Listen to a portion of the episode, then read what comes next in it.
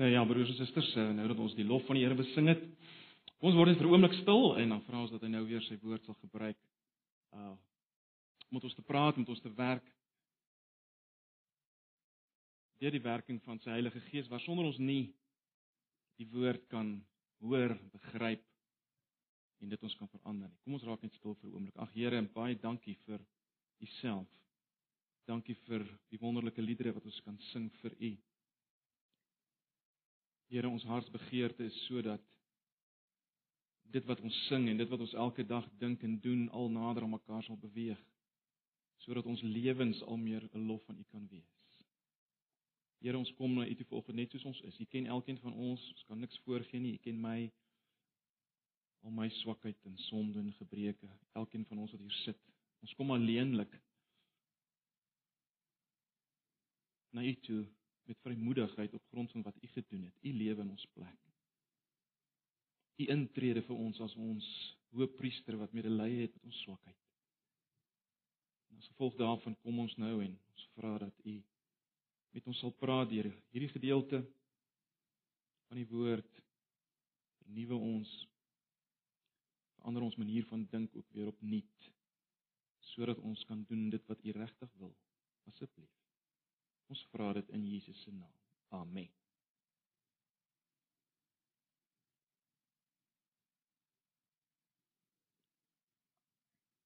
Nou ja, ons is stadig maar seker besig om deur te beweeg deur Markus.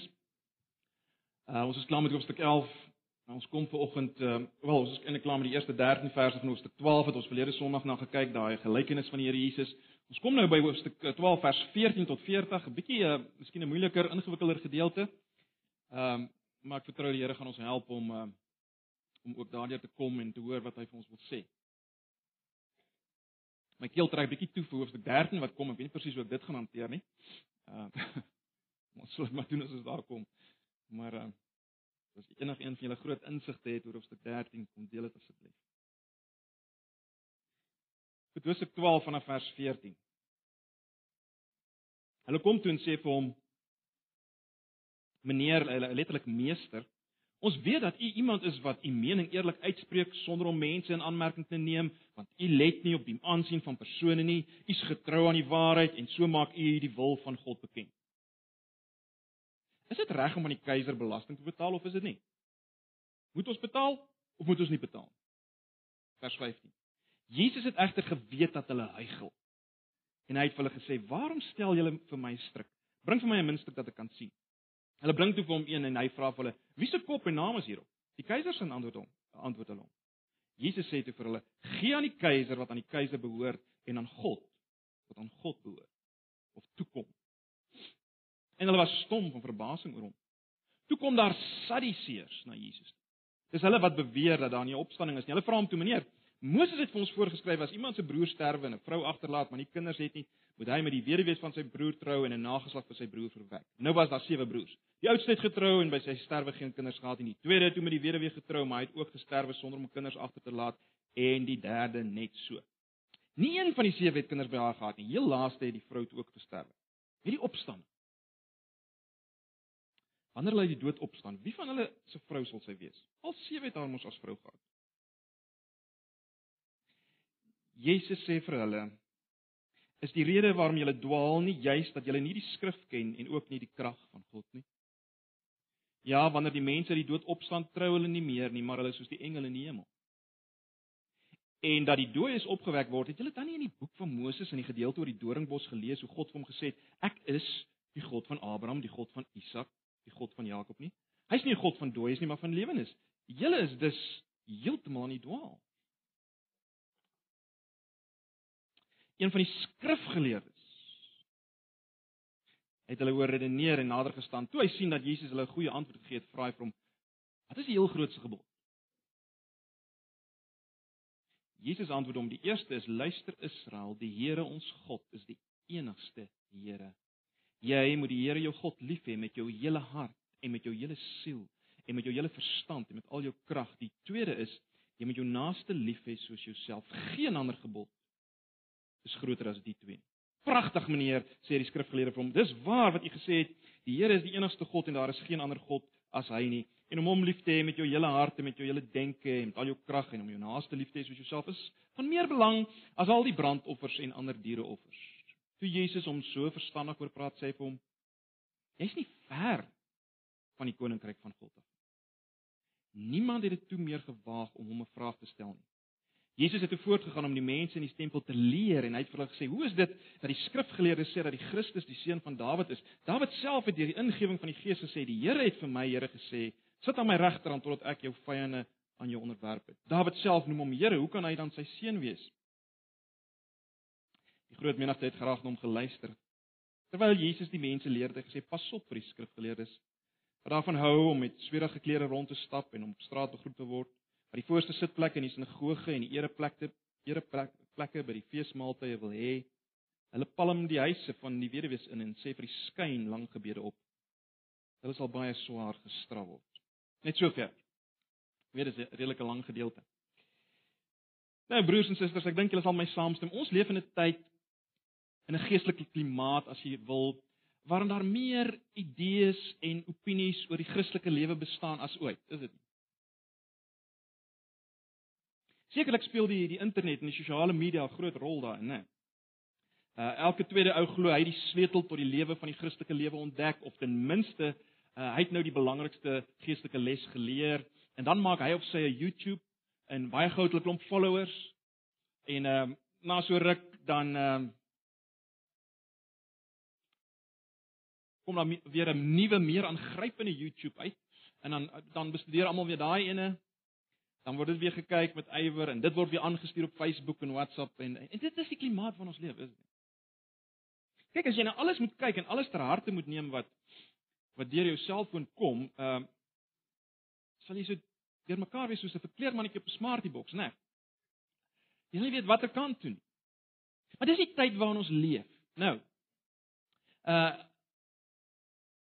al hierdie verskillende idees oor die geestelike lewe en wat die geestelike lewe is en wat die kern daarvan is, is waarskynlik nie heeltemal nuut aan ons tyd nie. Die tyd waarin Markus se eerste lesers geleef het in Rome, was ook 'n tyd wat gekenmerk is deur 'n deur 'n geestelike klimaat waar daar verskillende soort van spiritualiteite was, né? Nee.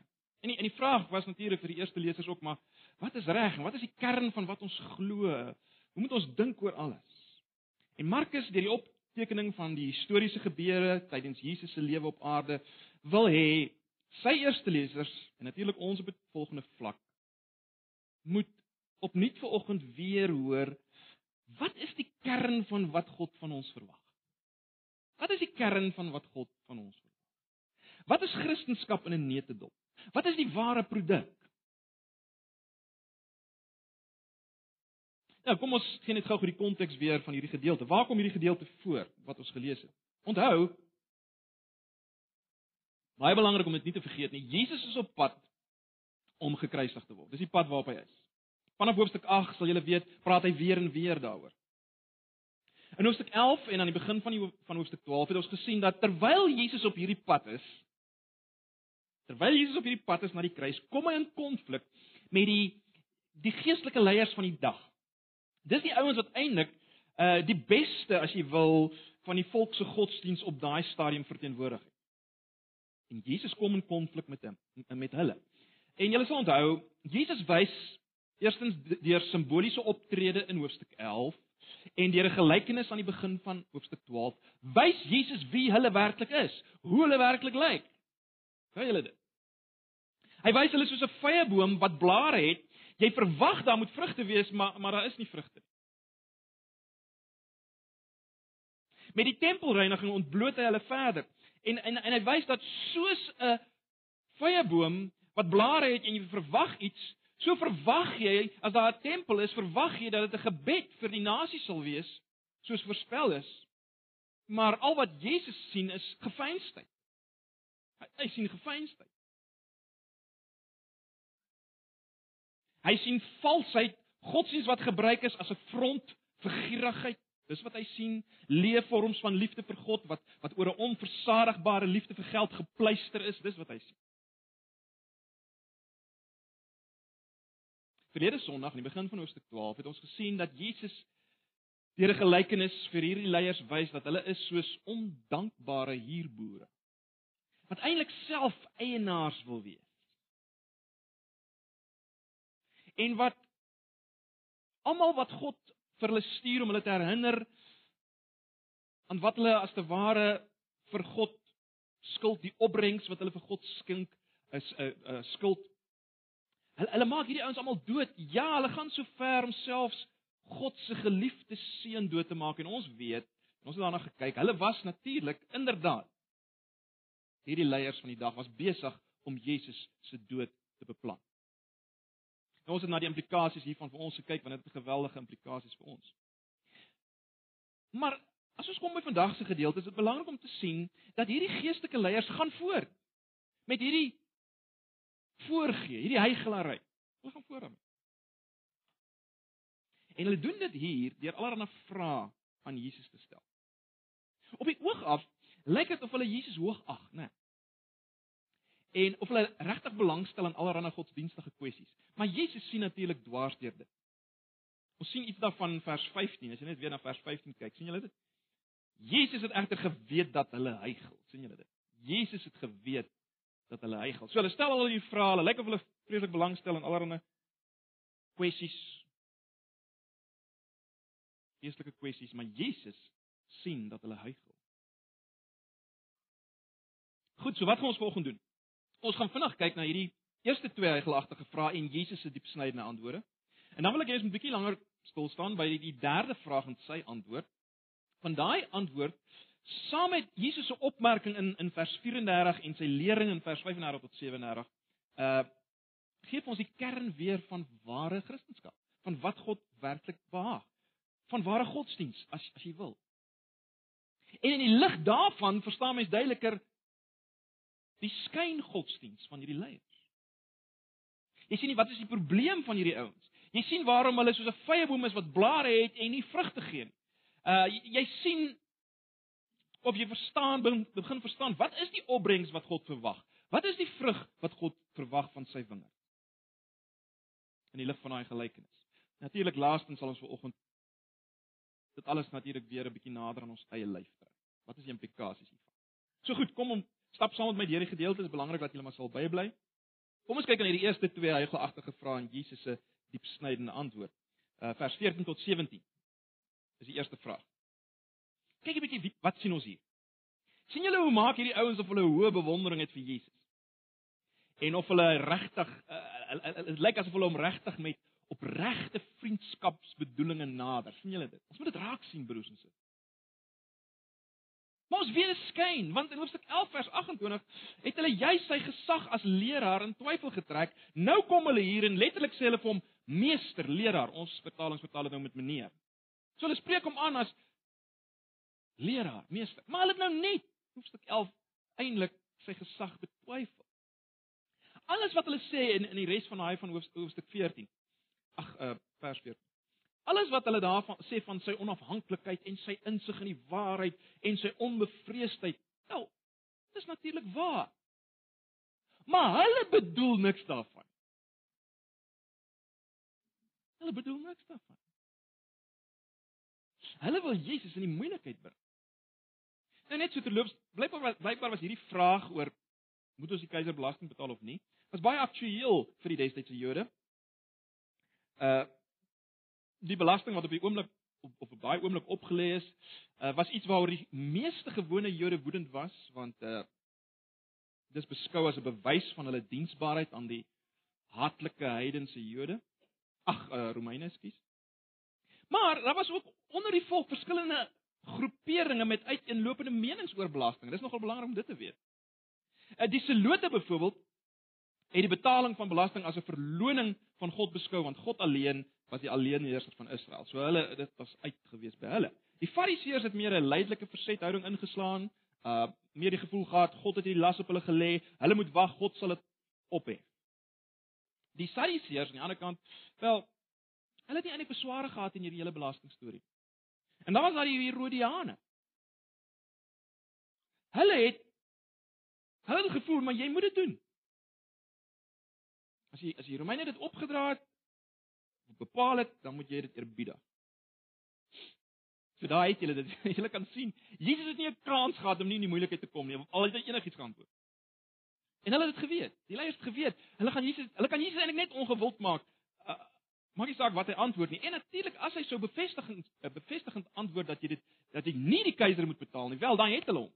En dan kan die keiser met hom handel want dan is dit mos nou baie duidelik dat hy hom verset teen die keiser en dan kan hulle afreken met Jesus. En dis eintlik wat hulle graag sou wou gehad. Maar Jesus sien deur hulle broers en susters. Hy sien deur hulle soos hy vanoggend deur my en jou sien, né? Hy weet alles. Hy weet waarmee hulle besig is. En hy hy, hy kom wys hulle hier eintlik dat hulle vraag is om van pas. Hy hy vat die minste en hy sê maar kyk, wie se beeld en opskrif is op hierdie geldstuk wat julle gebruik en wel, as jy die geldstuk gebruik en as die keiser se se kop en se naam daarop wel dan dan is jy baie duidelik onder die heerskappy van die keiser en dan is jy belastingpligtig. So gee hom wat hom toekom. Maar baie belangrik, betaal ook aan God wat aan hom verskuldig is. En natuurlik uit Jesus se ander opmerking in die res van die gedeelte, die res van die hoofstuk, word baie duidelik dat dit is wat hulle juis nie gedoen het. Hulle juis, hulle wat daar roem dat hulle God eer, hulle gee juis nie vir God wat hom toekom. Maar goed, dis die eerste vraag en sy antwoord. Kom ons kyk na die tweede vraag. Dit is belangrik om op te let, dis nou vers 18 tot 27. Dit is belangrik dat dit die Sadduseërs is wat dit vra. En Markus herinner ons aan die feit dat hierdie eh, hierdie Sadduseërs het nie aan die opstanding geglo nie. So wat wou hulle bereik met hulle vraag? Wel, waarskynlik uh wou hulle hulle self en hulle siening bevorder wat beter lyk en weer eens Jesus laat sleg lyk. Terloops, hulle was natuurlik anders as die Fariseërs. Hulle was nie so besorg oor die oorgelewerde tradisie nie. Hulle was baie besorg wel oor die teks, die skrif self, die Sadduseërs. Maar hulle het nie so baie gesteer aan die oorgelewerde tradisie nie. Nou, waarskynlik was hierdie vraag wat hulle vra ook 'n vraag wat hulle maar gedurig gevra het. Kyk, baie van ons het ook maar so so basiese vraag, nê, nee, wat ons vir almal vra as ons by 'n sekere punt wil uitkom. Uh, nou hierdie vraag is waarskynlik so 'n vraag wat hulle gereeld gebruik het oor die opstanding En uh waar hulle eintlik wil op aandui dat die dat die geloof in die opstanding word nie deur die skrifte onderskryf nie, met ander woorde die Ou Testament nie. Dit word nie deur die skrifte onderskryf nie, dit is ook nie prakties nie. So as Jesus dit onderskryf wel uit die aard van die saak onderwerp hom dan nie aan die skrifte nie en hy's nie baie prakties. Die gedeelte waarna hulle verwys is natuurlik Deuteronomium 25 vers 5 en 6, waar Moses die sogenaamde lefiraat huwelik voorskryf. Nou, julle sou al baie daarvan gehoor het. Hier volgens moes 'n man se broer vir hom kinders verwek indien hy sou sterwe sonder dat hy kinders het. Moet uh, sy broer by sy vrou vir hom kinders verwek en en so so sy lyn voortgesit word. Dis die Lefiraat huwelik. Nou, hierdie ouens, die Sadduseërs se lyn van argumentasie wat waarskynlik agter hierdie vraag sit, was min of meer as volg. Hulle het tot die konklusie gekom dat onsterflikheid nie deur die opstanding verkry word of deur 'n opstanding verkry word Nee, onsterflikheid word verkry deur die voortsetting van 'n Israelitiese familie deur kinders. Sy familielyn word deur kinders voortgesit, né? Nee, met ander woorde, onsterflikheid was die voortsetting van 'n man se naam deur sy nageslag. Dis hoe hulle daaraan gedink het. Dis dis hoe onsterflikheid voortgesit. En tweedens het hulle geargumenteer dat aangesien 'n man se jonger broer die pligte van sy broer wat gesterf het nou moes oorneem, as gevolg van die feit dat Moses dit voorgeskryf het, wys dit baie duidelik Moses Moses het nie geglo dat mense opgewek sal word uit die dood. Want ek meen anderste sal hom ons nou nie voorsiening gemaak word vir die voortsetting van 'n man se nageslag as hy as hy in elk geval uit die dood opgewek gaan word. So dit was min of meer hulle, hulle lyn van argumentasie. Maar uh, dis nou nie so belangrik om om dit te onthou nie. Die belangrike ding is hulle wou eintlik wys, kan julle agterkom, dat Jesus van Moses verskil. As hy die opstanding onderskryf. Want volgens hulle het Moses duidelik nie met die met die opstanding rekening gehou toe hy hierdie lefiraat huwelik ingestel het. So dis wat waarmee hulle besig is. Maar ag broers en susters, let nou weer op hoe werk Jesus. Hy antwoord hulle met 'n vernietigende teenvraag. Hy hy wil hê hulle moet as te ware self antwoord dat hulle nie die skrif ken nie, kan jy dit dink? En dat hulle nie die krag van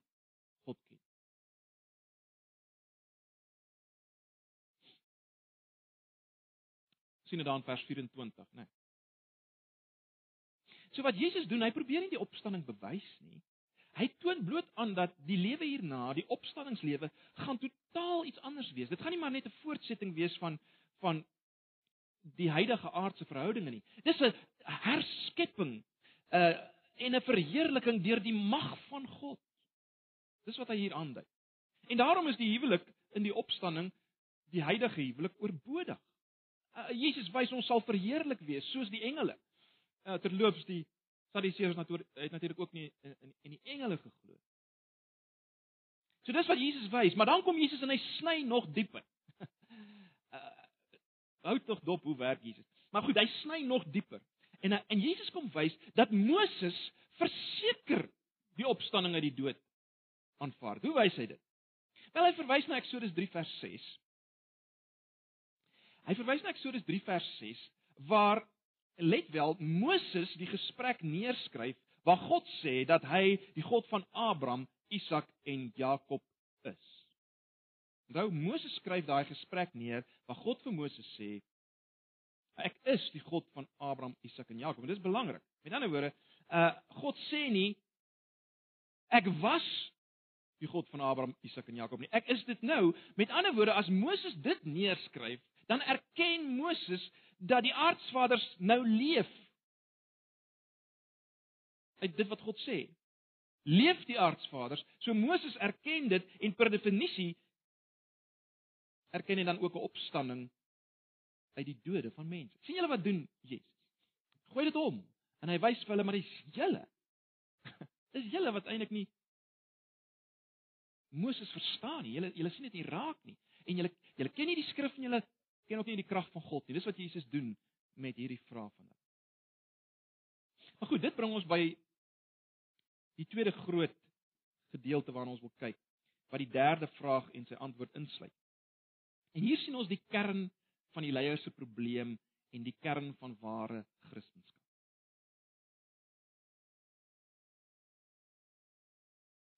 Kom nou daar by vers 28 en verder.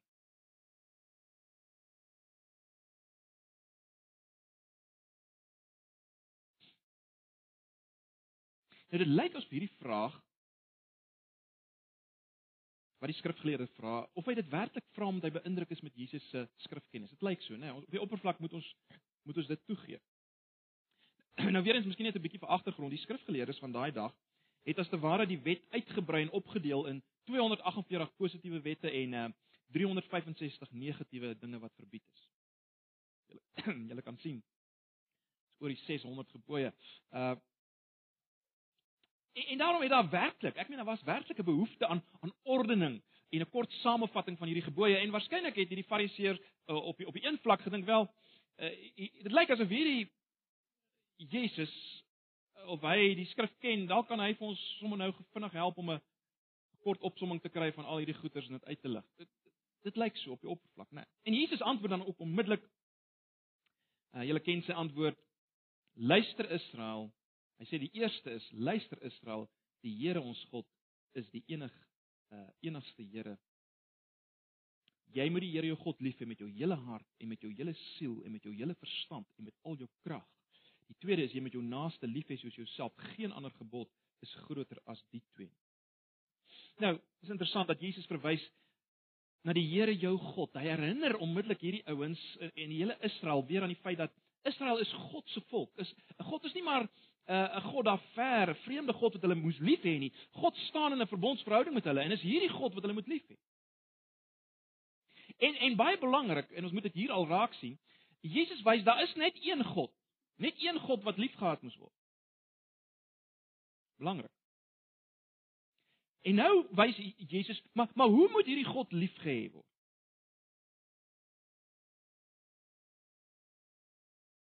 En dit is baie duidelik dat Jesus wys hierdie God wat alle reg op hulle gehad het wat hulle God was wou gehad het dat hulle hom moes lief hê as mense. Hy wou gehad het mense moes as mense hom lief hê totaal geheel en al. Dis die hele punt van met jou hart en jou siel en jou verstand en al jou krag. Kom ons dink net vir 'n oomblik daaroor. Uh Die hart volgens die Bybel is en ek het al baie daaroor gepraat, die, jou hart is daai diepste binneste jy. Dis jou hart. Uh, soms verwys dit na jou denke, wat jy dink, soms na wat jy voel, selfs na wat jy wil. Maar maar maar die punt is dis dis jy, jou diepste jy, as jy alleen daar op jou bed lê, die dinge wat jy daar dink en voel, dis wat in jou hart aangaan. Dis jou hart. En nou kom Jesus en hy sê daardie jy moet God lief hê. Daardie jy moet God lief hê. Die siel in die Bybel word eintlik gebruik om te verwys na fisiese lewe. Ek weet ons gebruik dit dikwels anders, maar dis hoe die Bybel dit gebruik. En mens sien dit byvoorbeeld as jy 'n bietjie kyk na vertalings, in die 53 vertaling is daar byvoorbeeld vertaal uh die siel van 'n dier is in sy bloed as daar gepraat word oor die offerdiens in Levitikus. Uh die 83 vertaling wat ek dink korrek is, sê die lewe van die dier is in die bloed.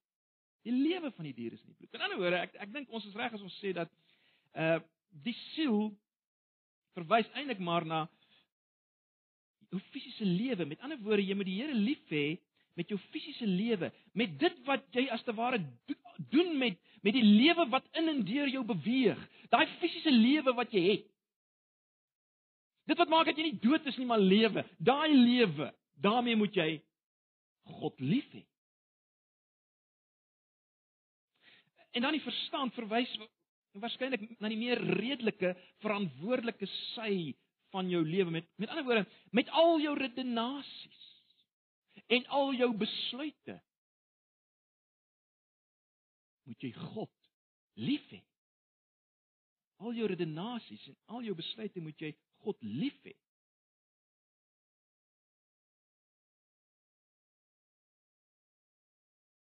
Die krag waarna hier verwys word, verwys waarskynlik na die inspanning waarmee jy nou hierdie dinge doen. En en wat Jesus hier kom wys, met daardie inspanning, met al jou inspanning moet jy God lief hê.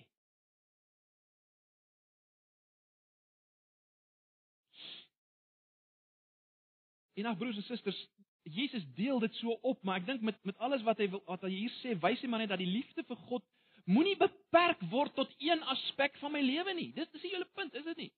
Liefde tot God moet nie beperk word tot een aspek van my lewe nie.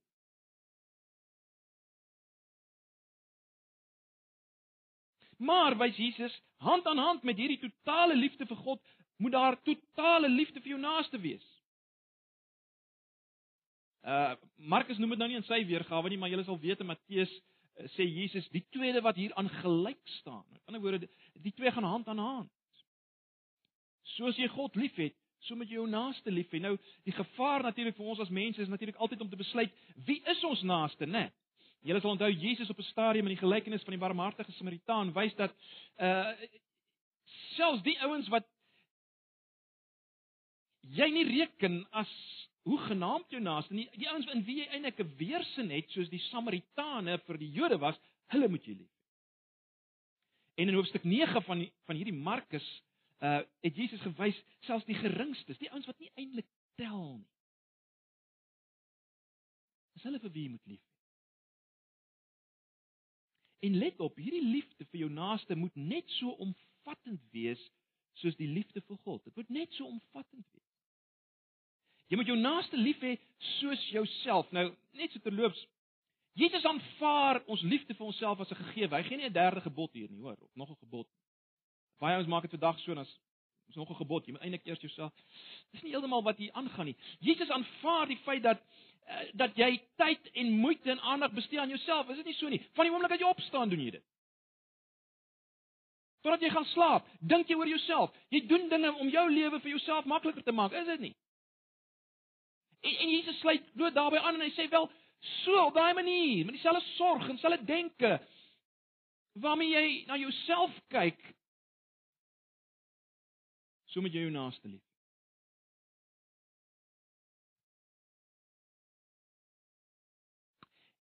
Nou let maar op dat hierdie skrifgeleerde stem in dat Jesus dit alles reg opgesom het. Hy hy, hy sê pragtig, jy het dit reg gedoen en dan brei hy daarop uit in vers 32 en 33. Nou, die tragiese is dat Jesus in sy opmerking in vers 38 tot 40. Kyk gou na vers 38 tot 40. Uh Daar kom wys Jesus dat hierdie hierdie hierdie fariseërs opmerking ehm um, is weer eens maar net skyn. Is, is geweldig. Kyk gou na vers 38 tot 40. Terwyl Jesus die mense leer het, het hy gesê: "Pas op vir die skrifgeleerdes. Onthou, onthou nou dis was die skrifgeleerde wat hom hierdie vraag gevra het. Van wat is die grootste gebod en hy het daarop geantwoord en die skrifgeleerde het gesê hoe wonderlik dit is. Maar kyk nou wat sê Jesus van die skrifgeleerdes in vers 38. Terwyl Jesus die mense leer het hy gesê: "Pas op vir die skrifgeleerders, want wat daarvan hou om met swierige klere rond te stap en op die straat begroet te word, wat die voorste sitplekke in die sinagoges en die ereplekke by die feesmaaltye wil hê. Hulle palm die huise van die weerwees in en sê vir die skyn lang gebede op. Hulle sal swaar straf ontvang." En dit was nou 'n fariseer wat met hom gepraat het. En ons moet dit raak sien. Dit lyk vir my hier was weer eens 'n groot stuk skyn selfs by die fariseer en sy vraag van die vraag. En let nou op wat sê Jesus. Nadat hierdie fariseer hom so mooi antwoord. Hy sê vir hom in vers 34 van Markus 12: Jy's nie ver van die koninkryk van God af. En dan sê sien ons niemand het dit toe meer gewaag om hom 'n vraag te stel. Nou, uh, ons sien dit dalk nie meer raak nie, maar onthou nou broers en susters, die skrifgeleerdes die en die fariseërs en die sadiseërs, daai geestelike leiers, hulle het aanvaar, hulle is die ouens wat wat gaan deel hê aan die koninkryk van God. Dis dit was hulle denke, hoor. Dit was hulle wêreldsbeskouing. Hulle het deel aan die koninkryk van God en binnekort gaan dit in werking tree. Die Romeine gaan verpletter word en hulle uh, sal die koninkryk van God beerwe wat sal bestaan uit hulle uit op aarde. En nou kom Jesus en hy sê vir hierdie ou wat nou so korrek antwoord nogal. Dis nie fair van die koninkryk van God. In ander woorde, jy is nie van selfsprekend deel van die koninkryk van God, Fariseë uh, skrifgeleerde. Jy is nie van selfsprekend deel van hierdie koninkryk. So dis geweldig in sigself. Nou, die woord koninkryk is natuurlik hier 'n sleutelwoord vir ons, né? Nee, ons weet dit. Dwars deur Markus sien ons die woord koninkryk. Markus begin so: Die koninkryk van God het naby gekom. Dis dit is Jesus se eerste boodskap.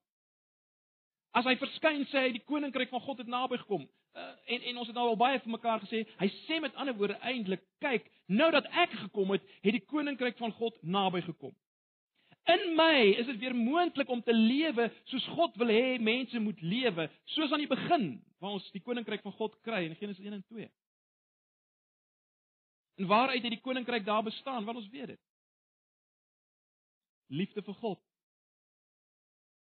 Liefde vir mekaar wat natuurlik juis verbreek is deur die sondeval. Dit was die lewe gewees.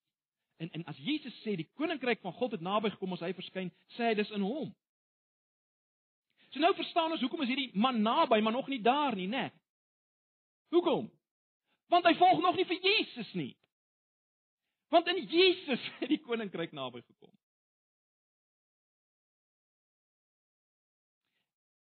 Jy sien, hy het nie Jesus lief nie soos vers 38 tot 40 wys en hy het ook nie sy naaste lief nie. Hy mis Jesus. Om alle twyfel uit die weg te ry, maak Jesus dit duidelik in vers 35 tot 37 dat hy wat Jesus is, die Here is. sien julle dit? As Jesus voortgaan om die mense te leer. Interessant, Jesus sê weer uh, Hoe is dit dat die skrifgeleerdes, hy praat weer oor die skrifgeleerdes. Hoe is dit dat die skrifgeleerdes sê dat die Christus die seun van Dawid is? En dan gaan Jesus aan uh En hy hy kom wys vir hulle eintlik dat hy wat Jesus is is die Here. Met ander woorde as as as as daar staan hoor Israel jy moet die Here jou God lief hê wel hierdie Here is hy wat Jesus is. Hoe wys hy dit? Wel, hy kom wys uit Psalm 110 dat Dawid self onder leiding van die Gees die Messias Here noem.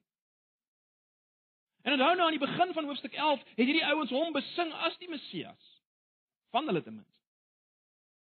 En wat kom sê Jesus nou? Hy wil hê hulle moet sien hier uit vers 35 tot 37, wil hy hê hulle moet sien dat hy Jesus is die Here, hy's die Messias, hy maar hy's hy's met ander woorde Jahwe, die Here. Hy's Jahwe. Hy is die verbondsgod. Met ander woorde, daar word van hom gepraat as daar staan die Here jou God is die enigste Here en jy moet hom lief hê. sien julle dit? Dis belangrik dat dit sal raak sien. So Jesus ontbloot natuurlik al die leiers hiermee, né? Hy ontbloot al die leiers waarmee hy nou in gesprek was. Vanaf hoofstuk 11. Ek meen, hy was nou in hoofstuk 11 vers 27 tot 33 uh het hy gepraat met verteenwoordigers van die Joodse raad. In Hoofstuk 12 vers 13 tot 17 het hy gepraat met die Fariseërs en die Herodiane. In vers 18 tot 20 die Sadduseërs en nou het hy met die skrifgeleerdes gepraat. Die hele hele. En hy ontbloot hulle. Hy ontbloot hulle as mense wat luister mooi, die Here, hulle God nie liefhet nie en ook nie hulle naaste nie. Hoekom nie? Want hulle het Jesus nie lief nie. Dis wat Jesus wil wys, want hy is Here. Jy sien daai ou klein opmerkingkie oor oor Psalm 110 en Dawid, dit is belangrik. Want dit sê hy is die Here waarvan hulle nou net wat die skrifgeleerde nou net aangehaal het. Jy sien Jesus ontbloot hulle. Hulle beroep hulle op Moses, maar die Moses waarop hulle beroep het, sê: "Hoor Israel, die Here, julle God is die enige Here." In ander woorde, Jesus. Hy's daar die Here. Daar's net een God. Daar is net een God. En hy Jesus is daardie God. Dis wat hy sê. Jy sien, hulle oënskynlike belangstellende vrae, vrae wat lyk asof dit oor God se eer gaan, is eintlik uitdrukkings van die feit dat hulle God nie liefhet nie. Hoe kan ons so sê? Hoekom is hulle vrae eintlik uitdrukkings van die feit dat hulle God nie liefhet nie? Want hulle wil met hulle vra Jesus in die moeilikheid bring en daarom het hulle God nie lief nie want hulle wil Jesus in die moeilikheid bring. So hulle vra ontbloot hulle as mense wat God nie liefhet. sien julle?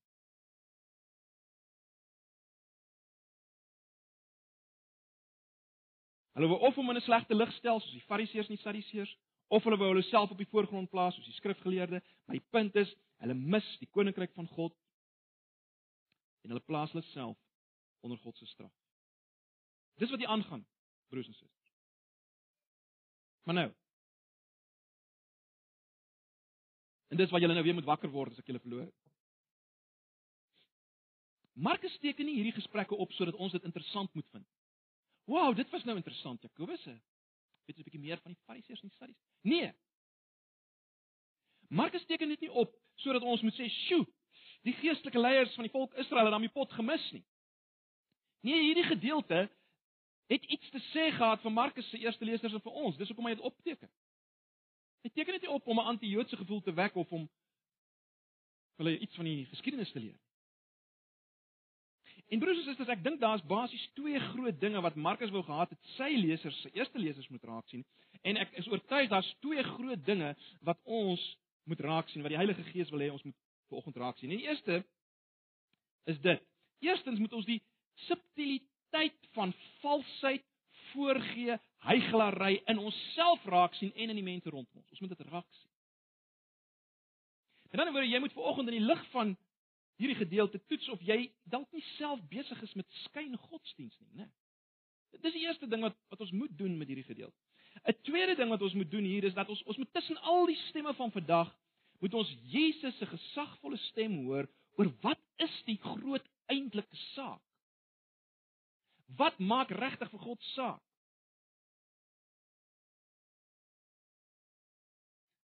In ander woorde, ons moet ware godsdiens omhels en al die ander variëteite verwerp.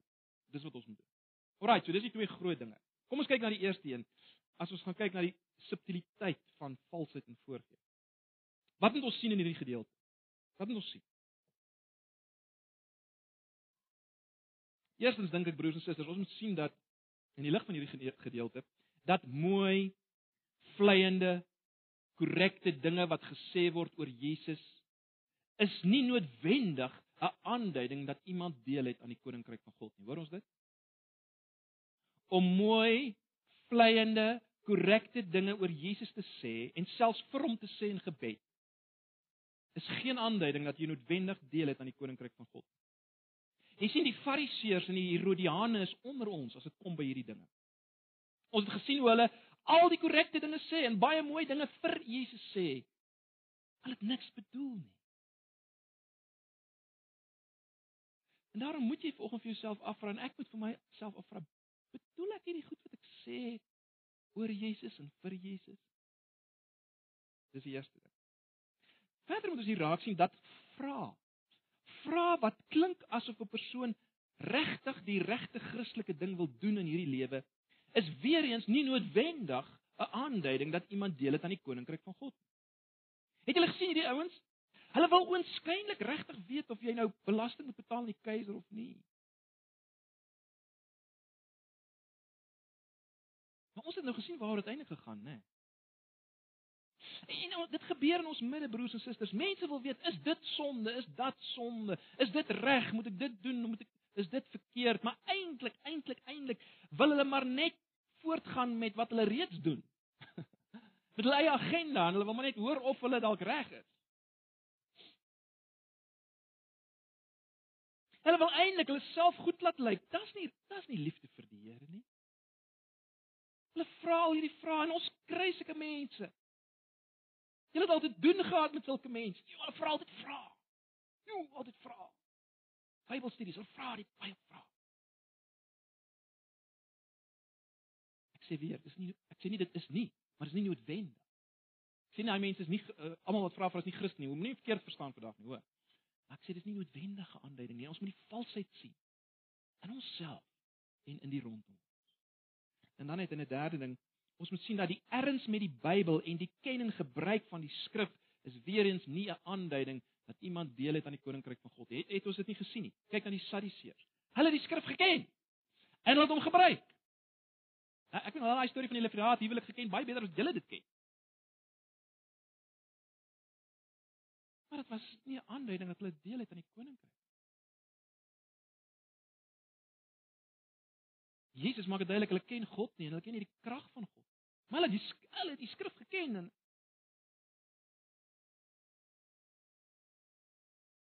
En hand aan hand met die ken van die skrif is dan natuurlik die feit dat ons moet sien dat jy kan teologies korrek wees en steeds die koninkryk kan mis. Waar sien ons dit duideliker as by die skrifgeleerde? Hy was absoluut teologies korrek toe hy gesê het, "Pragtig meester," en toe herhaal hy wat Jesus gesê het. Hy's teologies, hy's korrek. Hy's absoluut korrek. Maar broers en susters, Jesus sê hy mis nog steeds die koninkryk. Hy mis nog steeds die koninkryk. So dis die uitdaging aan ons, self in eerste plek. En ons moet dit raak sien.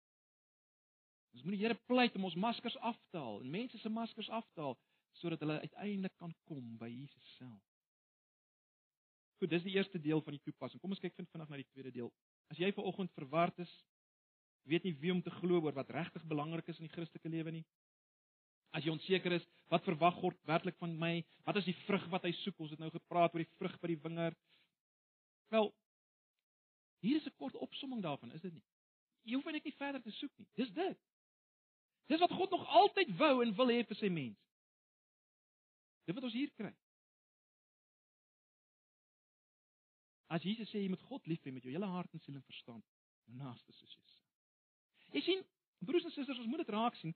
God soek nie ten diepste superchristene nie. Christene wat allerlei kragte en wonders kan doen en in tale kan praat en goeie sprekers is en baie mense na hom kan lei en die skrif uit hulle kop ken en die leerstellings van die reformatie kan sing en gebedsreëse is nie. Dis nie wat God in die eerste plek soek nie. Nêrens sê hy soek dit nie. God soek mense wat hom liefhet. Met hulle hele hart en siel en verstand en al hulle krag, met hulle hele mens wees. Hoor ons dit? Hy soek mense wat hom liefhet.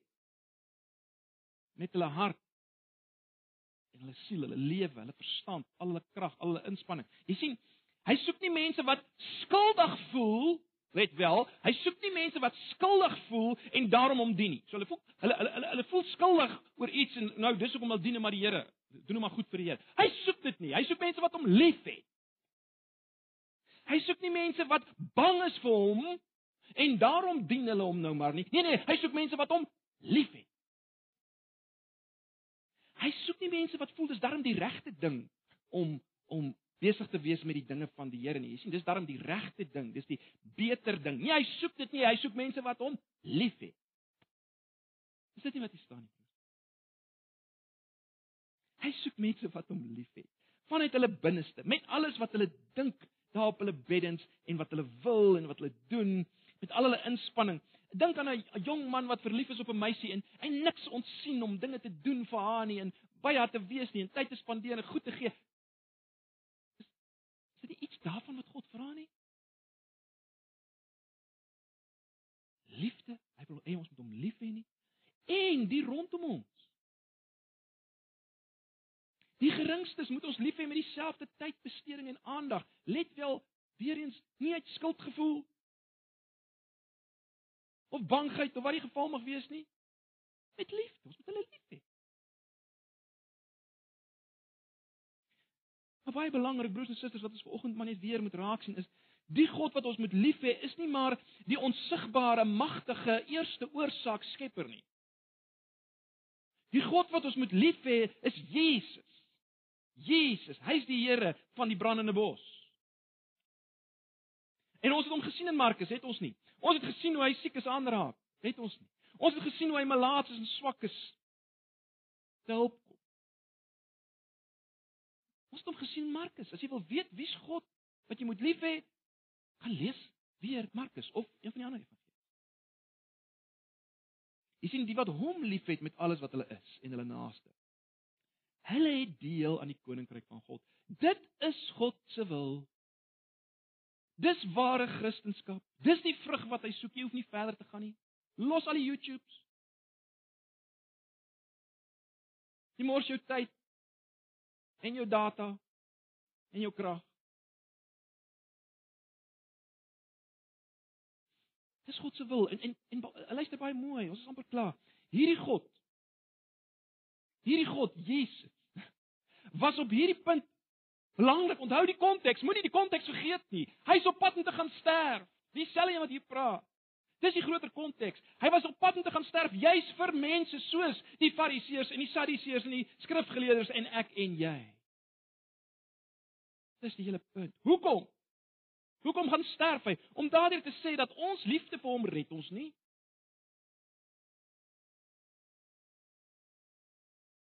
Sy liefde vir ons red ons. Dit is baie belangrik, ons moet nooit die twee omruil nie. Maar juis omdat hy dit vir ons gedoen het, kan ek hom luister na my woorde, vrylik lief hê. En ek klim op die vrylik want broers en susters, ek ek is al meer oortuig van van die feit dat baie van ons, en ek sluit myself in, dikwels die Here nie vrylik liefhet nie.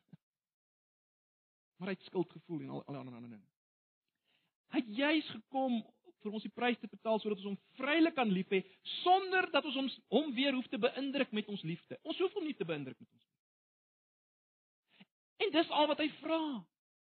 Dat ons hom vrylik sal lief hê en ons naaste vrylik sal lief hê. Broers en susters, dis wat hy wil. Hy het jou nie lief vir wat jy moet wees nie. Hy het jou nie lief vir wat jy moet wees nie, vir wat jy is.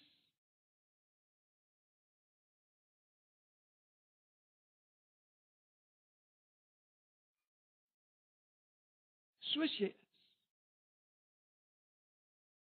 En en en die vraag wat hierdie gedeelte aan ons vra is, hoe kan ek hom nie lief hê? As ek weet hy het my so onverdiend lief. Onthou hy's op pad om gekruisig te word.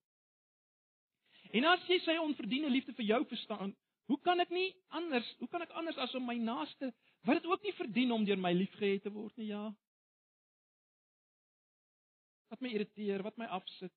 Hoe kan ek dan nie my naaste so lief hê soos hy my lief het? Jy sien alles kom weer te staan in die lig van die kruis en dit waarna Jesus op pad is op hierdie punt. En weer eens ek herhaal dit, as jy wonder is my is my liefde genoeg? Is my liefde aanvaarbaar? Onthou, dis nie jou liefde wat jou red.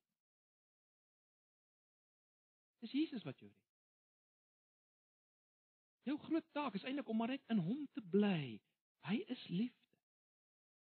Ag, maar ek dink julle julle hoor wat ek wil sê. En daarom sluit ek af.